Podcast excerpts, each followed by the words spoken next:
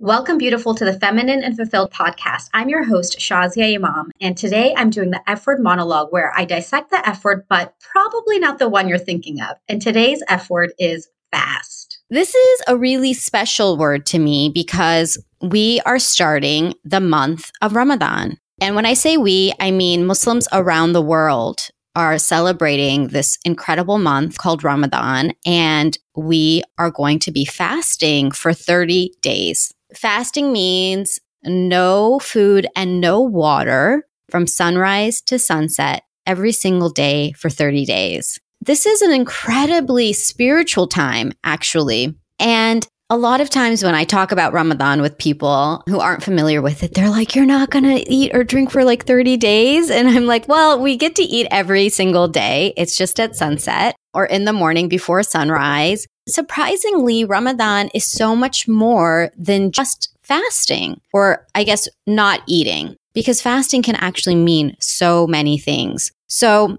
I'm just going to talk a little bit about Ramadan for maybe somebody who's hearing about it for the first time, or even if you know what Ramadan is, and even if you observe Ramadan, it's always good to kind of hear what it's about. And I'm going to be sharing it from my perspective. So this whole episode, I really want to share what Ramadan means to me and what fasting means as well, because it's just such a special time to me, a real time of going inwards and reflection. So let's start with the basics. Okay. So Ramadan is not at a set time every year. Ramadan is actually based on the lunar calendar. So Muslims follow a lunar calendar and there are months in that year, but the lunar calendar is 10 days shorter than the solar calendar, which is what we follow in the West. So that January, February, March, April, May, June, July, etc. That's part of the solar calendar. So the lunar calendar with the Islamic months is 10 days shorter. So every single year, Ramadan moves back 10 days. So this year in 2018, it is starting on May 16th. That will be the first day that we actually begin fasting. And then next year, it's going to start earlier in May. The year after that, it will be in April and it's just going to keep going backwards. And that's why it's always been confusing growing up to be like, okay, well, Ramadan technically, I mean, it moves back. It just, it's such a convoluted explanation that sometimes I, I don't even want to talk about it, but let me just get that out of the way. So this year it's in May, it's mid May. The way that it works is that, like I said earlier, from sunrise to sunset, you don't eat or drink anything at all. And sunrise can be, and we're actually talking pre dawn. So basically, people wake up in the morning. So I wake up in the morning at about, I have to check what the time is going to be this year. It's going to be around 5 a.m. in Dallas, Texas. And it's different depending on what time zone you live in. And you eat a meal. Now, for me personally, I do dates and water. That's what I do because I've got to pop my synthroid in the morning. For those of you who have hypothyroidism, you know what it means to pop your synthroid every morning. I have to pop that and then I only I can't eat for like an additional 20 minutes. So by the time like I can eat, I just I have some dates and water. And honestly, it's really hard to just eat that early in the morning for me. Then you fast for the whole day and then at sunset, you have what's called iftar, which is the breaking fast meal. Iftar is really, really, really fun. Okay. Especially if you are from an Indian or Pakistani background, you know iftar is the best. Okay. Cause iftar is different all around the world. What's amazing about Ramadan is that everybody who's Muslim around the world who observes it celebrates in a different way when they break their fast at the end of the day. So Indians and Pakistanis have a lot of really yummy fried foods like samosas, pakoras, which are basically deep fried, batter covered like vegetables. It's almost like a tempura, like you would get at a sushi place, except it's like so much better. And it's just deep fried goodness. And we also have this other thing called fruit chaat, which is like a fruit salad, but imagine a bunch of fruit cut up and, you know, made into a fruit salad like bananas and apples and oranges and and different things, but you add like salt, pepper, and like spices to it. So it's like this spicy fruit salad. It sounds, as I'm explaining, it doesn't sound good, but it's so delicious. And of course, there's a lot of sugar in there too. So it's really good. So these are just some of the really common dishes that we have for iftar in the Indian Pakistani community. I don't personally have that one because I don't know how to make a lot of those things, or I'm maybe just too lazy. I'm not that great in the kitchen, to be honest. So for me, again, I just have dates and water for iftar, which actually is what's recommended, especially after you haven't eaten all day. It's recommended to just, you know, break it lightly. And that was the way that the prophet, peace be upon him, used to break his fast as well. And so that's what I do. But honestly, if I could make all those other yummy goodies, I would. And of course, spanning many cultural traditions around the world, there's all sorts of different items. Morocco is really known for their soups. They have really great soups at iftar. And Arabs have a number of appetizers as well. But I think they also do the soups as well. I'm not going to speak too much about it because I'm not as familiar. But I will say the Indians and Pakistanis are notoriously known for like the deep fried, put you into a food coma iftar. So Long story to talk about iftar is that's when you get to eat, and people will typically break their fast and then they'll pray the sunset prayer. Then they will have dinner. A lot of times after that dinner, people have a little bit of time to relax. And for the night prayer, they will go to the mosque. Some people do, some people don't. And there's these extra credit prayers, I guess you can call it, that happen at the mosque. It's called Tarawih or Tharavi, depending on how you pronounce it. People go and they pray, and it's just a time to be really connected to God. So that's kind of what the day looks like day to day. And it looks different for different people. For me, it's like I shared with you, pretty simple for the morning, pretty simple for the evening. I just eat a regular dinner. And then probably I try to go to the mosque at least a few days out of the week. It just depends, honestly. You know, life can get in the way. Sometimes I'm just tired, especially living in a new place. I don't, you know, I'm still trying to get more connected to the community. But what I will say is that what Ramadan really means to me and fasting means to me is is not so much about these like technical things I'm telling you about, but what happens in those moments. So when I wake up in the morning to eat, I love that it's so quiet. What's really nice about waking up even before the morning prayer, which is already very early, waking up even earlier than that, it is so quiet. It's still dark outside. The world is still sleeping, and yet you're awake. It's the moment that I feel closest to God. So I like to do voluntary extra credit prayer in the morning as well. And I feel like it's just me and God. And it's this very peaceful feeling because there's nothing to distract me at that time. Nobody's awake,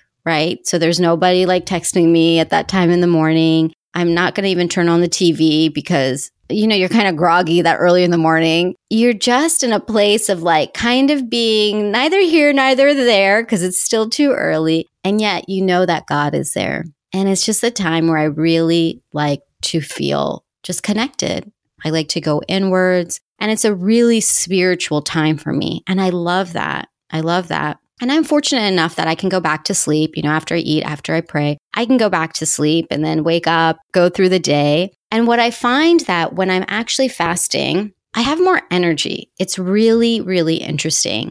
It prevents me, first of all, from taking mindless trips to the kitchen to eat some random snacks that I do throughout the day. So, number one, it saves me a lot of time. But number two, it just, there's somehow there's more energy. I don't know how it works. It just does. I get so much more accomplished. I don't know if it's because I'm not spending time focusing on food. I don't know what's going on. I do believe it's the blessing of the month for sure. But I just feel like I can get twice as many things done in the day than I can for the rest of the year. And that includes more spiritual activities, more just doing better at work, doing better in the projects that I have. And I love that. So while fasting is withholding you from food, I feel like for me, it allows me to really, what's the opposite word of withholding? I don't even know, but I hope you guys know what I'm saying. It allows me to do so much more. So that's how the day goes. And then what I love, love, love about iftar is that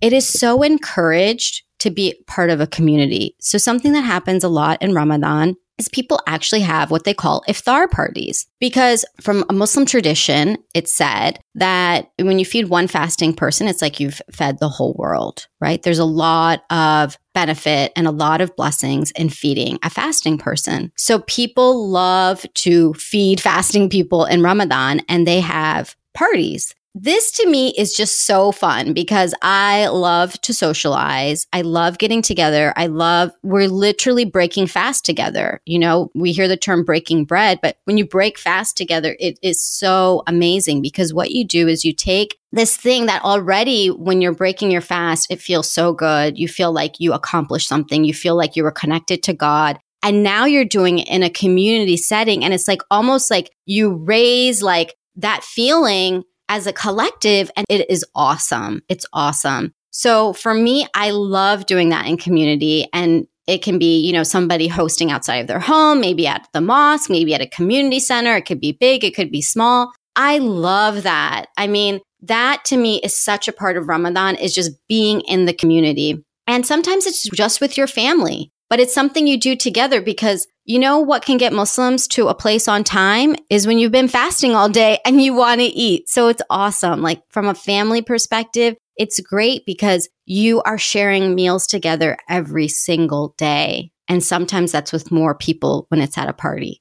I just love that. I love that. It's not like, you know, me being like, oh, I'm just going to grab something to eat and telling my husband, like, I'm going to eat now. And he's like, I want to eat later. And it's like, okay, like we just do our own thing. It's like we get to sit down together. We get to have a meal together. We get to pray then together. We get to share in this experience. It's so awesome. And then when it's with friends and more family, oh my God, I'm just, I'm the party animal in Ramadan. Let me just say that. Like there have been Ramadans where I may not have even spent one iftar at home because I just get FOMO. If somebody invites me, I'm like, yes, I'm there. I'm totally there. So things have been different while I've, you know, since I've moved to Dallas. And I like actually that's gotten quieter. We probably spend most days actually at home, my husband and I together. And when my stepdaughter comes, she gets to share in that too. And then, of course, we have a few parties too. So it's been a nice balance. And speaking of kids, I love that I have a little one to share Ramadan with. So my stepdaughter Nasima, she gets so excited about Ramadan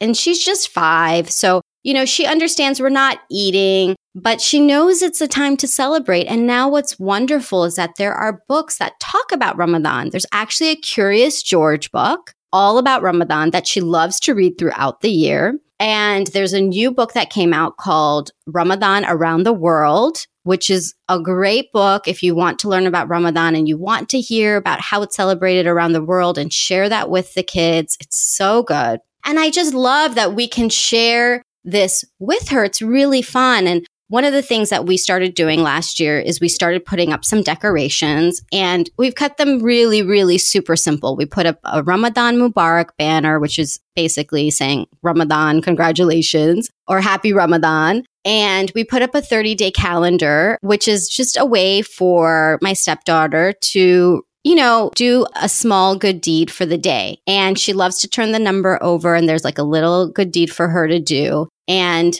it's so fun. By the way, I got these items at norissadesigns.com. I'll include references to all the products I've talked about. I'll put them in my show notes so that you guys, if you're interested, you can go grab them there. But I love how excited she gets this year when we pulled out the decorations again. I mean, they're really, really simple, but to her, it was so big. It was so exciting. She's like, oh my God, Ramadan is coming. And it's exciting for her. So to see it in a child's eyes too, it's just so fun. It's so heartwarming. So that's been something newer for me since it's only been two years that I've been with her. So that's one aspect as well. And then the final aspect is the prayer then at night. I talked about, you know, going to the mosque and doing these extra credit prayers, I guess is the best way to call it for Taraweeh. And it just adds again to this spiritual component and this community component. And I don't go all the time. I know some people who go every day. That's not me. But when I go, I really do appreciate that time. There's something about standing in prayer. Again, everybody is standing in front of their Lord in this time. And there's just an extra blessing in this month. And to think like, oh my God, I woke up so early this morning. I didn't eat all day. I just broke my fast and I'm going to stand here and I'm going to pray even more. I mean, the sense of just feeling like what is possible for you is amazing. And the spirituality is amazing. And the feeling, I mean, talk about the energy in the room. It's awesome. It's just, it's quiet. When the prayer starts, it's just quiet. Oh my gosh. And so many mosques around the world will fly actually people in. In the US, they will fly people in who have beautiful recitation. And so you're just getting such a treat by hearing the Quran recited so beautifully during prayer and just standing there. And I don't know, I just, I love it. I'm just, I just love it. So I'm really excited about Ramadan this year. And I thought, what better way to share than to talk about fasting? Because fasting is so much more than just not eating. It's also being a part of something greater. It's taking the time to go inwards. It's this one month out of the year where I feel like I don't have a choice. I can't eat. And thank God for that because it allows me to do so much more. It allows me to feel so much more connected. I mean, there's just a lot more quiet time in Ramadan versus the rest of the year, which can feel really frantic and frazzled. And oh my God, I have to go here and I have to go there and let me stuff my face in between, like get something at the drive through you know like let me fit that in and it's it's amazing when actually you just you cut out one or two meals a day how much time you get back now, I want to tell you guys some funny things too about Ramadan. Okay. I'm going to tell you some insider secrets. I always love to tell you guys everything. So, one of the secrets is that men fast for the full 30 days, but women typically don't. Okay. That's because there are times where you're not required to fast. Some of them are obvious. If you're sick, this applies to men or women. So, like, for example, my dad has diabetes and he's not allowed to fast. So, he hasn't fasted for a very, very long time. So, people who have chronic health issues typically will not fast. And, you know, that's completely understandable. I don't think I need to explain anything there. You know, you need to make sure that you're taking care of your health. Now, besides chronic health issues, for women, women who are pregnant, are not required to fast. So some pregnant women will fast because they choose to, but you're not required to at all. So some pregnant women will not. So if you see a pregnant woman eating, pregnant Muslim woman eating during Ramadan, don't be like, why are you eating? She's feeding her baby. It's just fine. And nursing moms too, some fast and some don't. So again, that's also completely understandable. Now, the last item is women who are on their periods. so, yes, women who are on their periods don't fast. And that I'm sure as a woman, you can understand why. I mean, come on, it's exhausting. Like all this blood is draining from you. You're tired, you're moody. So, food is really important to have. So, it's actually a mercy that women don't have to fast during that time. And giving you guys some more inside scoop, it's kind of something funny talked about in the Muslim community um, about when women are on their periods and in the workplace. So it's really funny. And I have experienced this many a times where, you know, you let your coworkers know that you're fasting because, you know, many times you might go out to lunch or whatever. So your coworkers, you get to know each other pretty well. And so you let them know you're fasting. And then all of a sudden, you know, you get your period and now you're not fasting anymore. And maybe there's like a team lunch. So maybe lunch has come in and it's in the conference room and, you know, everybody's eating together and people are expecting that you're not going to eat except, well, you're not fasting that day and you can eat. And so you're in this conundrum because you're like, well, do I eat because I'm hungry and I can eat? And have to explain to everybody why I'm eating, even though I just told them a few days ago that I'm not eating because it's Ramadan and I'm fasting? Or do you just like sneak the food away and eat it secretly in your office and not tell a soul? So, you know, it's always like a running joke between like, you know, my Muslim girlfriends and I. And my philosophy has always been like, I just share. Like, I just share, like, hey, I don't have to fast today because I'm on my period. Like, yes, I am the person who will say that. And then there are others who will go and hide and um and and not share. So I'm giving you the inside scoop now. If you see again a Muslim woman who it's Ramadan and she's eating and she's not pregnant or she's not nursing, she's probably on her period. So now you know. There was actually what I'm being reminded of is there was this really funny article in the Washington Post. Not funny, it was a really great article that the Washington Post had covered many years ago now that really covered Ramadan, like what it is, how it works. And they talked about the period issue. And I loved that they covered it because I feel like it's this secret that like people don't want to share, but then other people are totally confused. So we might as well just talk about it. So I'll put a link to that article as well. It's just a fantastic article overall. So that's one of the funny things. That I just always laugh about in Ramadan. So this Ramadan, I will probably be fasting about 23 days. And it is nice. I'm going to be so honest with you guys. It's nice to get a break in between. I kind of cherish those days too, because sometimes I think, man, the men who are fasting for 30 days straight, I mean, that is impressive. It is nice to get a break. So that's me and fasting. That's kind of my experience. I will just close with, again, talking about the spiritual aspect for me. I use it as a time to reflect, to connect, and to ask for a lot of things. So, one of the most beautiful things about a fasting person is that there is a Muslim tradition that says that God does not refuse the ask or the dua, the supplication of a fasting person. And this is such a beautiful saying because basically it's like you get this incredible reward. You get this incredible reward for just doing what is part of your faith, right? We fast because this is what God has told us to do. But in turn, we are rewarded beyond measure. And so at the time of breaking fast, I love to make dua. I love to make these supplications and I love to just ask. And there's this feeling of knowing that it will be accepted. That is what is promised to us. And that feeling to me, it's so just, it's so abundant. It's just knowing that there's no limit to what we can ask for and what can be given. And I actually have a dua list that it really covers kind of everything.